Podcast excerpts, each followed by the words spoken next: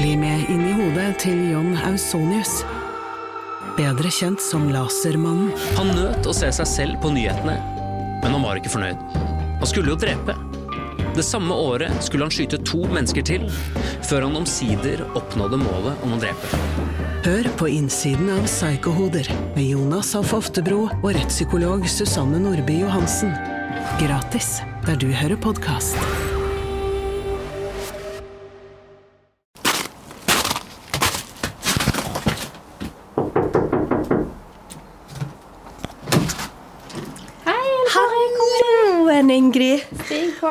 Tusen takk.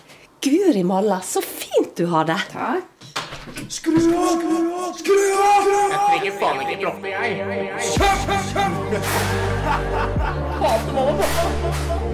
Er pluggen den nye russemamma-podden, da? Mamma, pappa sa take down twice, alright Men jeg har mye heller lyst til å rulle tonight Nå er det russetid, dagene flyr forbi hva har det å si? Russetiden er litt forbanna, ta og hør litt på russemamma. Ja, da har vi landa i sofaen, eh, Ingrid. Ja, velkommen. Tusen takk, og så kjekt for selveste russemamma å få komme her og ta en prat med deg, for jeg har mye jeg lurer på, ser du. Du er jo eh, krisepsykolog. Ja. Og kan mye om det som foregår opp i nøtta på egentlig alle mennesker, men òg da ungdom, og spesielt russen. Kan det stemme? Det kan stemme. Ja, og jeg, jeg har lyst til å starte denne episoden med å spørre deg, Ingrid. Sånn generelt, hvordan ligger vi egentlig an med den psykiske helsa til ungdommen vår her i landet? Akkurat det er litt grann omdiskutert, faktisk. Det var nylig en undersøkelse som ble gjort på eh, ungdom og, og unge voksne i eh, eller studenter da, i Norge, og den viste ganske begredelige tall. At det er eh, hva var det for noe, da, 35 eller noe sånt av eh, unge studenter som eh, har en psykisk lidelse. Men det har vært litt omdiskutert etter den hva det egentlig betyr. Betyr det at faktisk så mange unge mennesker har en diagnostiserbar psykisk lidelse? Eller betyr det at terskelen for å si at man har det kjipt, er blitt lavere? Så at folk kanskje Vi er usikre på om folk har det verre, eh, eller unge mennesker har det verre, eller om de bare sier mer enn de gjorde før, og kanskje tolker ord som depresjon og angst litt annerledes. Så vi er litt usikre, men eh, det står ikke kjempebra til. Det er eh, ganske mange som strever med spesielt prestasjon, press, og eh, kravene de opplever at blir satt til dem på veldig mange ulike fronter. Da. Så alt fra skole og studier til utseende og sosiale eh, tilhørighet, og hvordan man skal på en måte gjøre det sosialt. Da. Så det er mye, mye press. Og jeg eh, kjenner jo igjen det du sier. Fordi jeg tenker jo at sosiale medier og, og sånne ting er med på å forsterke alt det som kanskje jeg på en måte tenkte var sånn i livet når jeg var ungdom. Og pga. at eh, en ser alt i sosiale medier nå, så kanskje det blir forsterka. Hva tenker du om det? Ja, Det blir jo veldig sånn at man legger ut på sosiale medier. Man legger ikke ut eh, skyggesiden av livet sitt. Man legger gjerne ut det man har lyst til å vise fram, eh, og så sammenligner andre seg med det. Så det, da blir sosiale medier fullt opp av positive ting. Og så sitter du i livet ditt og kanskje har det ikke sånn, da. Eh, og så tenker du at alle andre har det sånn. Alle andre er på fest hele tiden, eller drar på kule ferier, eller ser kjempebra ut, men jeg gjør ikke det. Og så er det vanskelig for oss, og, og selv om vi vet det med hodet kanskje at ja, men de hadde sikkert vanskelig, de òg, men de legger det ikke ut, så er det vanskelig å tro helt på det med følelsene. Så du kan fortsatt ende opp med å føle deg mindreverdig, da. Uff, ja, det er til og med jeg, gamlemor, kan kjenne litt på det innimellom. At gud, jeg har det så fint og flott, og her sitter jeg nedtrykt i sofaen min, liksom. Det, eh, jeg kan på mange måter eh, sette meg inn i den situasjonen. Men det du var inne på, eh, som gikk på det at det kanskje terskelen er lavere for å bruke uttrykk som vi tidligere nesten ikke nevnte. For jeg tenker at i min oppvekst og ungdomstid så var det ingen som hadde angst. Ingen hadde panikkangstanfall. Ingen drev på og hadde fobier. Det var, det var ingen som hadde det slik. Hva tenker du om den utviklingen? Det er, det er ganske vanlig, egentlig. Det er noe vi kaller for begrepsglidning eh, i lingvistikken. Da. At eh, eh, f.eks. de ordene vi før brukte til å beskrive psykisk utviklingshemming, det har vi, har vi gått gjennom mange ledd. At For lenge, lenge siden så kalte man det å være dum. Og så ble det et skjellsord, og så byttet man hvilke ord man brukte til å beskrive den tilstanden til eh, jeg tror det var mongoloid som kom etterpå. Så ble det òg et skjellsord. Mm. Og så har den, begrepene endrer betydning, endrer innhold. Eh, og sånn blir det litt òg med, med, begrep som depresjon og angst. At vi har brukt de til å beskrive en eh, tilstand som egentlig er ganske alvorlig, som eh, tilsier at du trenger medisinsk helsehjelp. Eh, men etter hvert som de begrepene blir vanlige, så utvider definisjonen seg. Eh, og da er det et spørsmål på et eller annet tidspunkt så trenger man nye begreper. Men sånn som det er nå, så bruker jo veldig mange ord som f.eks. 'jeg har litt angst i dag'. Mm. Og det er noe annet enn å ha en angstlidelse. Eller 'jeg er litt deppa'. Det er noe annet enn å være klinisk deprimert. Mm. Men når man skal da gjennomføre sånne undersøkelser hvor vi skal finne ut hvordan det står til i befolkningen, så gjør det det litt vanskelig. Da. For vi vet ikke helt alltid hvordan folk tolker de spørsmålene de får.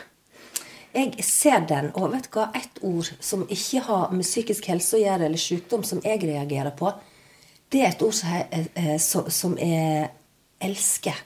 Ja. Jeg elsker ditt, jeg elsker datt. Jeg. Det er bare sånn Jeg tenker av og til Det blir kjempemisbrukt. fordi når du elsker noen, så er jo det en veldig spesiell greie. Eh, men her elsker folk ost, de elsker øl, de elsker venninne vennin Elsker en TV-serie, skjønner du? Det går litt inflasjon i ordet. Veldig! Mm. Så det er rett og slett der det er. Altså, nå eh, er det kanskje snart på tide for dere som er fagfolk, da, å endre angst til noe annet som kanskje kan settes på inn i en journal, da. Ja, Det er litt av den diskusjonen som er nå da, etter, etter, disse undersøkelsene som har vært. hvor Vi blir, vi blir usikre på hva resultatene betyr. Mm. Ja. Men tilbake til, til, um, hvordan studentene har det. det. Selv om vi er usikre på akkurat hvordan vi skal tolke de resultatene, så betyr ikke det at det ikke er sant, det som ungdommen forteller om, og det som studentene forteller om. At de har eh, veldig mye press på seg og sliter med det. Eh, og sånn har det jo på en måte egentlig alltid vært. Da, at I ungdomstiden så jobber vi med å finne vår plass. Vi jobber med å finne ut hvem vi skal være, og helst har vi jo lyst til å være noen som andre liker og beundrer, noen som har en, eh, en status i, i, både i samfunnet vårt og i, i vår umiddelbare omkrets. Eh, og det er, det er, en vanskelig periode. Mm. og når du da på en måte har utvidet veldig for før, når, eh, når, du vokste opp, kanskje, så um, var det på en måte de på skolen din, de i nabolaget ditt, de i bygden din, det var de som på en måte utgjorde din, um, ditt sammenligningsgrunnlag, og de du ville ha anerkjennelse hos. Mens nå så er det hele verden, fordi at uh, du har sosiale medier der. Så det er ikke bare, du skal ikke bare bli likt av de du går i klasse med, du skal bli likt av hele internett. Ja. Og det er ganske intenst eh, å skulle få til. Ja. Eh, og jeg har hørt litt på de tidligere episodene mm, som du har laget av denne podkasten. Jeg hører jo Nikken ja. eh, fortelle om at de, de, er opptatt av hva som får views på TikTok når de skal finne på hva de skal gjøre. Altså du er opptatt av å bli likt av andre som ikke er der engang. Så det blir en, en annen forutsetning for uh, å skulle finne identitet, finne status, finne tilhørighet. Og bare leve livet, da. Du kjenner meg! Russemamma, slutt å bry deg! Du må se en annen vei! Nikken han er jo da inne i en veldig spesiell kultur, vil jeg si, nemlig russekulturen. Um, og jeg har jo skjønt at her er det mye som er viktig. Så du var inne på det, er, det de legger ut på sosiale medier, er veldig viktig at folk digger og kommer tilbakemeldinger på. Um, hva tror du er grunnen til at det er blitt sånn? Eh, det er sånn menneskelig natur. Vi har lyst til å bli eh, likt av gruppene vi er en del av. Eh, for hvis vi blir likt i gruppene vi er en del av, sånn evolusjonært sett, så er det større sannsynlighet for at vi overlever. At andre prioriterer oss når det kommer til trygghet, ressurser, sånne type ting. Da. Og når gruppene blir veldig store, så blir det plutselig veldig mange, sånn som jeg sa i sted, som spiller en rolle om de liker oss. Um, så det er ikke unaturlig at det er viktig å få likes. Men spørsmålet er om det er så bra for oss. Ja, det var et godt spørsmål du stilte der. For du kan rett og slett bli litt avhengig av likes, tror jeg. Ja. Det er en del av oss som er utviklet for å sørge for at vi får innpass i gruppen. Og sosiale medier er veldig gode til å utnytte den eh, kapasiteten hos oss og, og nettopp gjøre oss avhengig. For vi skal være avhengig av å høre til. Det er noe av det som har gjort at vi har overlevd sånn som vi har gjort på denne kloden, og at vi har fått den dominansen vi har fått. Det er at vi funker så bra i grupper og kan bruke hverandre. Men for individet blir da gruppetilhørighet blir alfa og omega. Hvis ikke du har det, så er du over ute, og overlever ikke du i møte med en tiger. Men en gruppe mennesker i møte med en tiger, de kan klare seg ganske bra. Eh, og da sosiale medier, de går rett inn på denne der frykten for å bli utstøtt, frykten for å bli nedprioritert, for å ikke bli likt, eh, og trykker på den knappen. Og, da blir det veldig, veldig vanskelig å komme ut av denne behovet for å få tilhørighet, status, trygghet. Mm. Så Men det blir jo veldig mye, da, for enkeltindividet å skulle få innpass hos så mange som vi nå på en måte har muligheten til å få innpass hos. Og så kan det bli veldig eh, stor takhøyde for å falle ned igjen. Du ser jo nå det har vært mye eh, saker i media om kjendiser som har gjort ditt eller datt for 20 år siden, sant? og så eh, Eller for ett år siden. Og så liker ikke folk det lenger. Og det er jo utrolig vanskelig for den, det individet som da står i det statusfallet som de da opplever. Mm. Så det er en eh, litt bekymringsfull utvikling, da. At vi nå har disse her store nettverkene uten at vi helt vet hva eh, konsekvensene av det er for, for psyken vår. Ja, jeg, igjen kjenner jo meg igjen. Jeg er jo på eh, Instagram og, og sånne ting. Eh, og jeg sitter og ser på hvor mange følgere noen har. Jeg har jo ikke en drit i forhold. Jeg ser på hvem som liker bildet. Altså, det blir litt sånn i ei gruppe, da, um, så er det ofte slik Det har jeg merka meg, for dette syns jeg er litt interessant å forske på. Så er det gjerne sånn at hvis noen sier noe, så får en masse åtgaum, da, som vi sier på nynorsk. Masse tilbakemeldinger. Men hvis noen andre sier noe, kanskje det samme, så er det ingen som reagerer. Det der syns jeg er så utrolig fascinerende. Eh, på hvordan på en måte ei gruppe kan styre egentlig hierarkiet sånn både sammen, men at noen bjellesauer er, er, egentlig de som styrer det. Eh, og på en russebuss, f.eks., så, så også på Nikken sin russebuss, så har de to sjefer.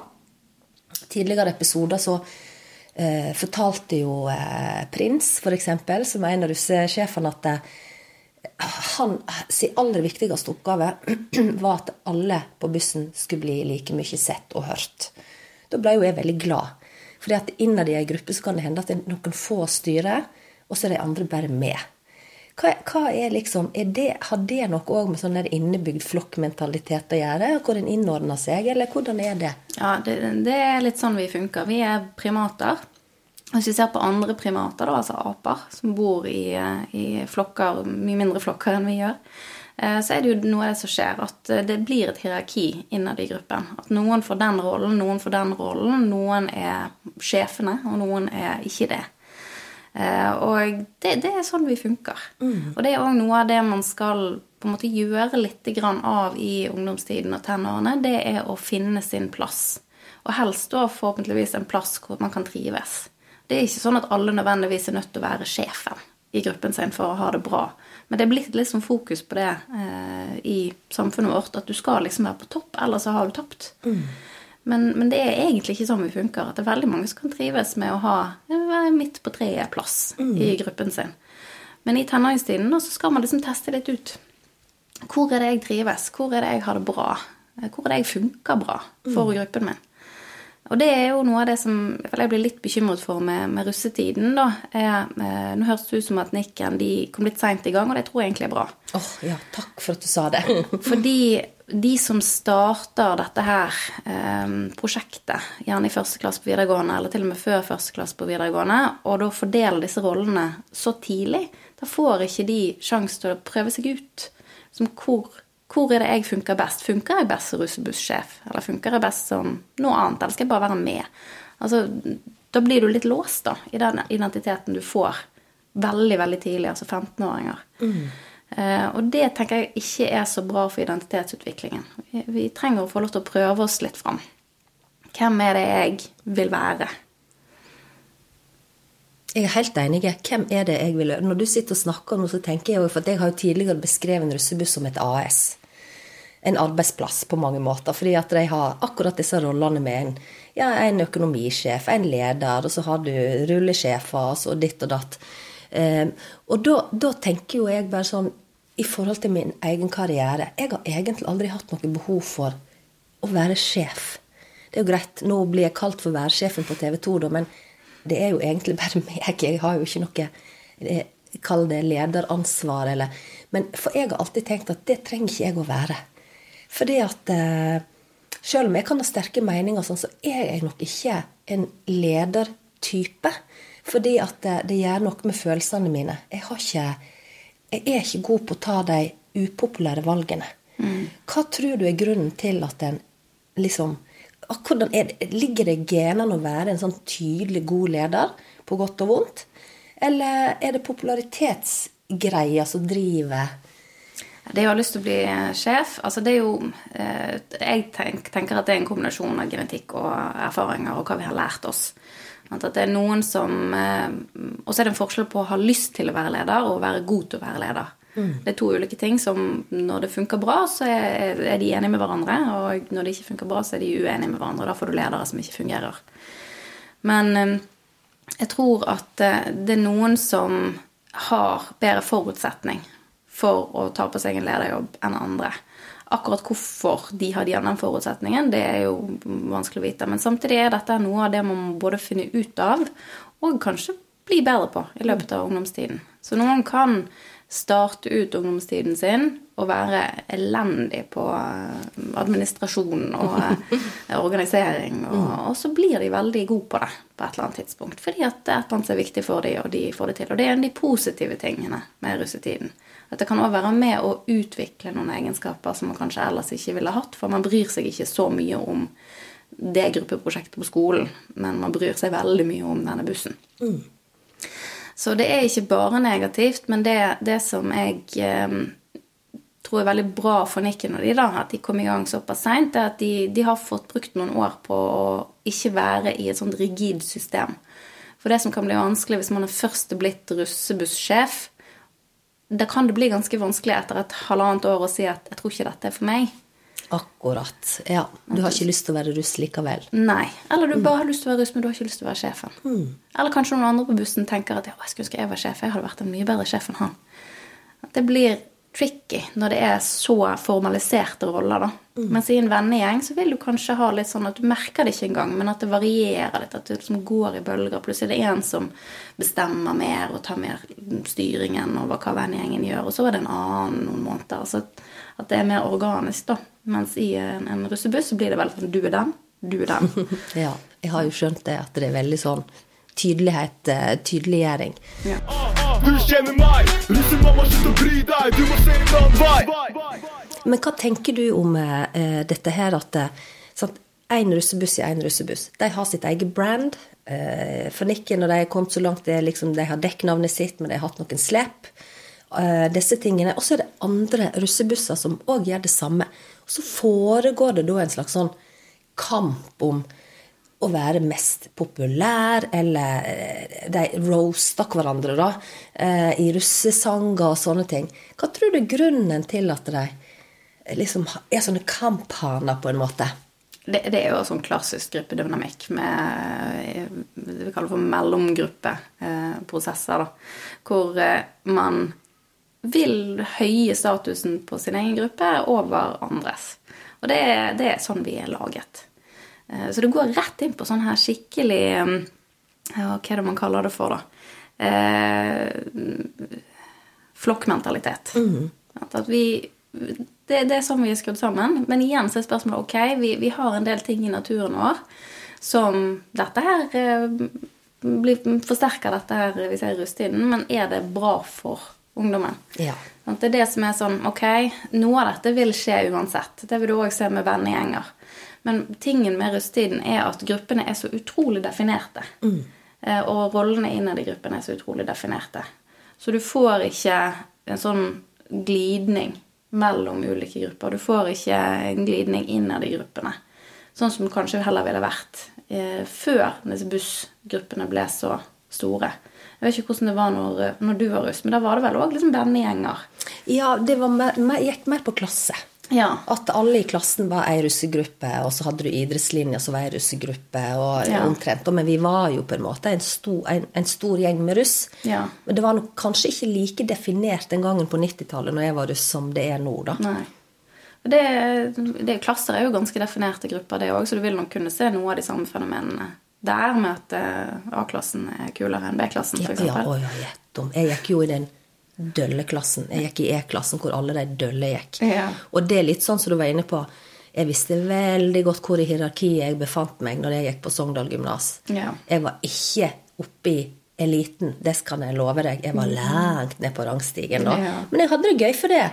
Og jeg eh, hadde eh, Følte ikke meg utestengt eller mobba, eller, men jeg visste veldig godt at jeg var not the coolest one. Det er Ja. i hvert fall helt sikkert. Og det kan man trives ganske godt med. Ja, det gikk fint for meg. Ja. Jeg hadde ingen problemer med det, da. Ja, men det er det der med eh, Hvis det nå er blitt sånn at hvis man ikke er på en buss, så er man nerd. Så er man Eller utenfor. Rusleruss, som Ja, man og kaller det. det er, det er teit.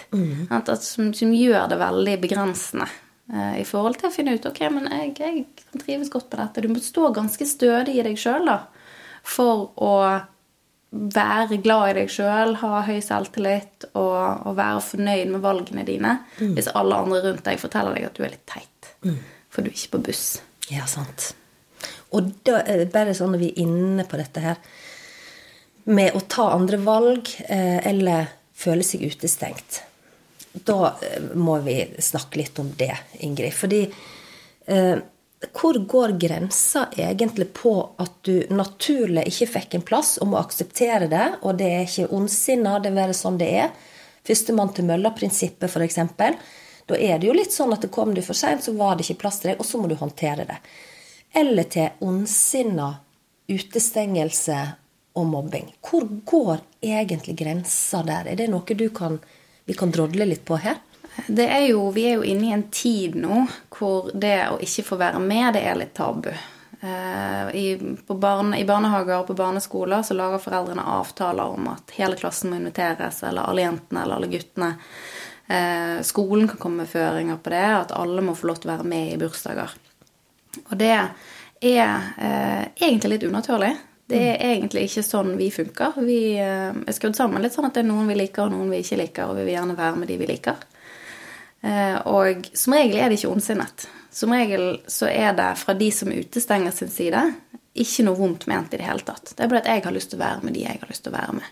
Men fra den som da ingen har lyst til å være med sin side, så er jo dette forferdelig smertefullt. Og kan føre til ganske alvorlige skader og, og seinvirkninger. At man blir eh, deprimert og, og sliter med selvtillit og, og har, får ganske alvorlige eh, plager av å oppleve det. Så det er, det er utfordrende. Vi har på en måte ikke noe fasit på hvordan vi skal løse det, hva som er riktig. Eh. Nå er trenden i samfunnet sånn at vi forsøker å løse det ved å mm, regelsette at alle må få lov til å være med. Ingen skal ikke få lov til å være med. Men da er en konsekvens av det at man får ikke trent seg Akkurat. på å ikke bli invitert. Eh, Man får ikke håndtert det, for man blir alltid invitert, selv om man egentlig ikke er så godt likt av kanskje den som inviterer. Så det er, det er vanskelig å vite hva som er riktig måte å løse det på, da. Men iallfall fra naturens side så er det ikke unaturlig Nei. at eh, alle, alle får ikke være med. Men så er det òg en forskjell eh, på en russebuss, da, eh, som er at man kan bli stemt ut. Off, ja. Eller stemt inn. Eh, for da er det ikke bare sånn at det er én person som ikke vil ha, seg, ha deg i bursdagen sin, men du får vite det at ti av elleve stykker har ikke lyst til å være med deg. Mm. Det er en helt annen opplevelse enn å bare ikke bli invitert på akkurat den ene festen av akkurat den ene personen. Ja, det skjønner jeg. Jeg kan da dra eh, linker til elevrådet på skolen. Der var det jo sånn at du hadde valg, og så ble en stemt. Enten så ble du elevrådsformann, eller så ble du ikke. Og da ble det jo telt opp på, på sånne lapper at Eli Kari fikk åtte stemmer, Inge fikk eh, tolv stemmer, osv. Og det er jo sånn med et vanlig valg, kommune-, fylkesvalg eller stortingsvalg. Sånn at du kan jo dra den rimelig langt da, og si ja, men er det greit? Er det greit da at en skal eh, velge elever? Da står jo en der og må håndtere at ja, jeg fikk bare åtte stemmer. Jeg har, jeg har drevet en jækla dårlig valgkamp. Eller folk liker ikke trynet mitt, for å si det rett ut. Um, sånn at det, det er derfor jeg liksom lurer eh, Jeg er selvfølgelig veldig opptatt av at ingen skal utestenges eller mobbes. Men jeg er òg opptatt av at det, av og til så er livet slik at du fikk ikke være med. Håndter det. Eh, men da er det jo begrunna helt andre ting. Jeg har ofte eh, kjent eller sett at Å, guri malla, eh, der var de. Hvorfor var ikke jeg invitert der? Så veit jeg da at men Elkari, du har egentlig ingenting der å gjøre. Og det er litt sånn som du, Ingrid, sa i stad, at det er ikke sikkert at du henger med dem naturlig. Og, kanskje kaster jeg stein i glasshus eller sier noe folk blir sinte for noe, men det er noe med denne grensa. Hva er ondsinna, mobbete utestengelse, og hva er noe du bare må akseptere? Du fikk ikke være med denne gangen, men kanskje neste gang. Og der er det jo òg en ting som kan skje i, i grupper som kan gjøre det mer mm, på en måte ondsinnet, da. Hvor det blir eh, populært å være slem med noen. Uff a meg. Ja. Sånn At, at det er liksom litt inn å tenke at Eli Kari er teit. ja. Eh, og da blir det noe annet enn bare å tenke at eh, meg og Kari er ikke så gode venner, så jeg vil ikke invitere henne på det. At det blir to veldig ulike ting. Eh, og det, det kan skje i grupper. Det kan skje med veldig snille og fine mennesker. Det kan skje med voksne. Det skjer litt oftere med barn eh, og ungdommer. At vi ser på en måte at de som er lederne i gjengen, de er kanskje litt stygge med noen eller ekskluderer noen. Og så tenker vi, men da kan jo ikke jeg være på lag med de som blir ekskludert, for da kan jo jeg òg bli ekskludert. Da blir jeg òg en av de ukule, så jeg må passe meg for å ikke assosiere meg med denne her. Og det, det blir noe annet. Eh, og da er det gjerne mer omfattende. Sant? Da det, det er gjerne, blir det flere som ikke har lyst til å være med den ene personen. Ja, jeg skjønner hva du mener, og eh, eh, da kan jeg referere til eh, et eh, Kall det sånn elevmøte som vi hadde når Nikki gikk på ungdomsskolen. Der var det en psykolog, skolepsykologen, som snakka.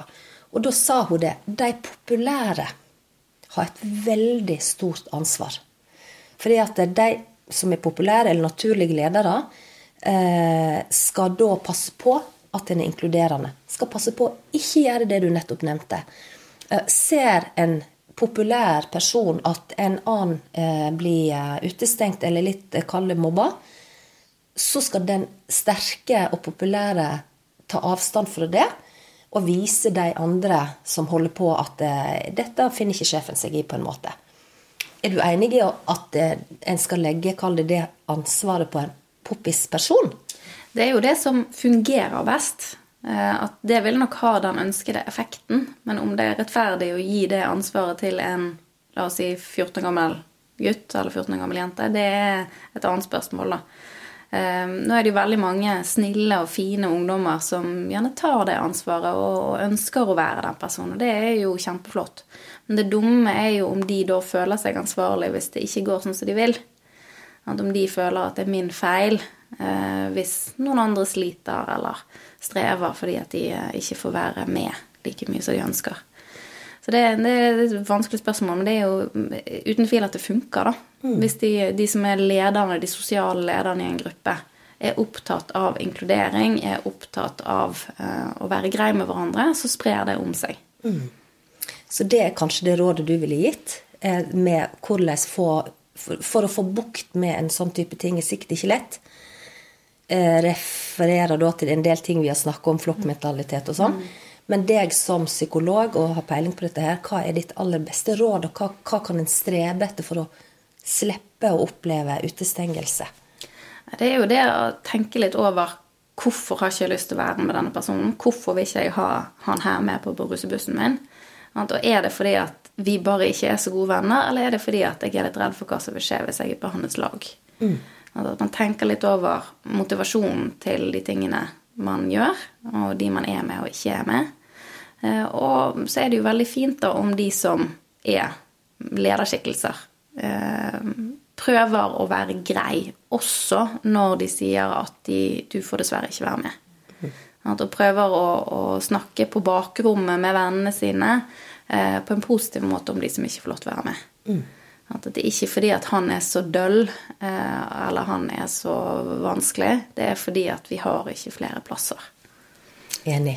Og det må sikkert være greiere å eh, akseptere. For sånn som jeg har forstått på nikken av dem, så sant, de har ikke flere plasser på bussen. Det har vært noen som har vært interessert, og jeg har forstått det sånn at da har de rett og slett sagt at det, det, var, det er fullt. Det, det er den eneste grunnen, liksom. Men bli gjerne med å rulle eh, en kveld i løpet av russetida eller et eller annet sånt som det der. For jeg har jo noen sånne gjesteplasser, da. Jeg håper det stemmer, da. Jeg, var- jeg veit jo ikke.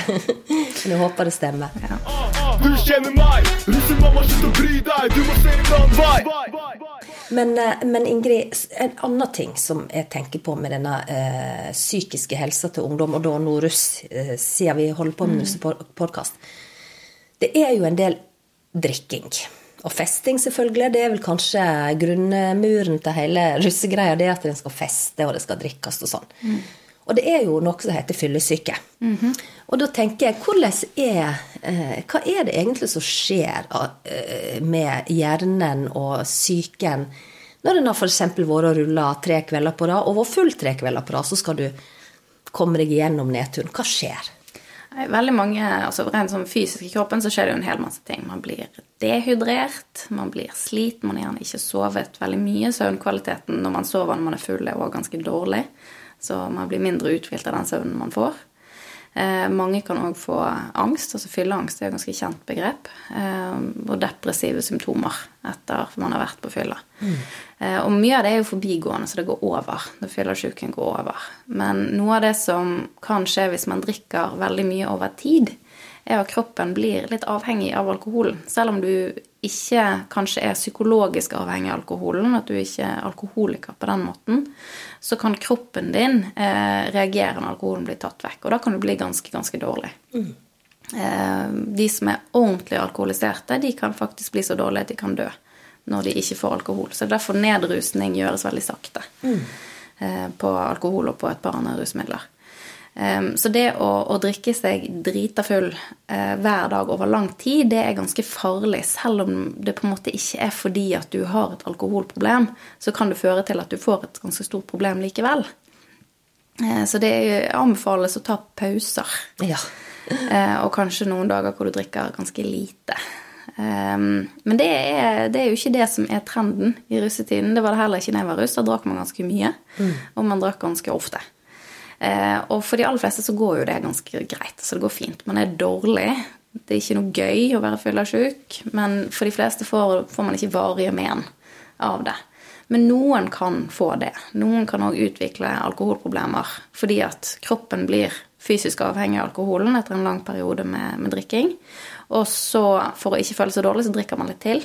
Og så baller det litt på seg, og plutselig så eh, har du et alkoholproblem. Uff a meg, nå høres dette her kjempeskummelt ut. Men det, det er viktig å si at det, det skjer ikke med alle. At du tenker så mange ungdommer som drikker seg kanakas veldig ofte i løpet av eh, både rusttiden, men òg bare ungdomstiden og studietiden. De aller fleste går det bra med. Så det er ikke sånn sett farlig. Vi er litt eh, i tvil på om det er så bra for hjernen sin utvikling eh, å drikke så mye. Eh, men igjen, det går bra med de aller fleste. Men f.eks. det å få alkoholforgiftning. Noen kan òg f.eks. kaste opp i søvne og bli kvalt på, på oppkasten sin. Og det kan òg gå bra, men det å være uten oksygen for hjernen er ikke så bra. Det å være alkohol, alkoholforgiftet er ikke så bra. Så det er å forsøke å gjøre det med måte, da, i de rammene man har i en, en studietid eller en russetid, eh, vil jeg veldig sterkt anbefale. Jeg håper det når, når mine barn blir eh, russ, så håper jeg at det er litt mindre populært å drikke så mye. Men det ser vi òg på en del av disse her eh, studentundersøkelsene og, og skoleundersøkelsene, at ungdommen drikker mindre enn de gjorde før. Å, det var gode nyheter. Ja. Ja. Jeg vet ikke om det er gjort noen undersøkelser akkurat av russetiden, da, eller om det er eh, mindre i russetiden òg, men jevnt over i ungdomstiden så er det litt mindre. Wow, det var ikke verst. Det var godt å høre. Eh, nå har en fått eh, gode anbefalinger her, både på råd om hvordan en kan eh, om ikke forebygge, så i hvert fall jobbe litt med å bedre situasjonen for eventuelt utestengelse. Eh, og i tillegg fått et godt oppsummert råd om hvorfor en ikke skal dure på å drikke åtte dager i strekk uten å ta pause. Det likte jeg det du sa, Ingrid. Det er fint å ta en pause innimellom sjøl om det er russetid, og hente seg litt inn igjen, kanskje. Ja. Og Det er jo litt det vanskelige med, med Hørte du i første episode, så snakket du litt med Nikken om gruppepress. Ja. At, eh, som kan gjøre det litt vanskelig da å ta seg en pause i russetiden. At vi tenker ofte på gruppepress som at det står en gjeng rundt deg og sier 'drikk, drikk, drikk'. Men det er som regel ikke sånn det funker. Eh, vanligvis så er gruppepåvirkning Det skjer ved at folk vi liker og har respekt for, de gjør noe. Og så får vi lyst til å gjøre det òg. Ja, der har du det. Jeg kjenner meg igjen, gitt. Ja. Og det er jo eh, beste måten å få noen til å endre atferd på, det er å få de til å like deg, få de de til å respektere deg, og så gjør det foran dem. Du, Det er nesten et råd jeg skal begynne å tenke på. En har jo lyst til å bli likt av alle, og eh, hvis en da kan være med som en sånn bjellesau og påvirke så på en positiv måte, så er jo det fantastisk. Det er kjempefint, men det vil jo si at eh, i en russegruppe da, så vil det være eh, et gjensidig ansvar om å ta det litt med ro. Eh, og gjerne, sånn som vi snakket om i sted, de som har høyere status i gruppen, at de kanskje prøver å, gå foran med et godt eksempel når de ikke har lyst. At de er det ganske tydelige på at nå skal jeg ha en hvit dag i dag. Um, men det er, det er utfordrende òg for de som har høy status i gruppen. For selv om du har høy status i gruppen, så betyr ikke det at det kanskje føles lett å bare gjøre akkurat det du vil, fordi at du vil fortsatt bli påvirket av hva resten av gruppen gjør. At du, du vil jo fortsatt ha den høye statusen din, du vil at de skal like deg, og du vil eh, høre hjemme der. Så det er eh, viktig at alle sammen i en sånn gruppe har, eh, har takhøyde for å mm, vise hverandre da, med handling at eh, det er greit. Det er greit å kanskje ikke drikke så mye alltid. Det er greit om du ikke har lyst til å prøve hasj. Det er greit om du eh, ikke har lyst til å eh, kline med den personen. Altså at man gir hverandre lov da, til å, å gjøre ting som kanskje ikke er kult, men som er riktig for deg. Rett og slett være litt rause med hverandre, kanskje. Ja. Ja.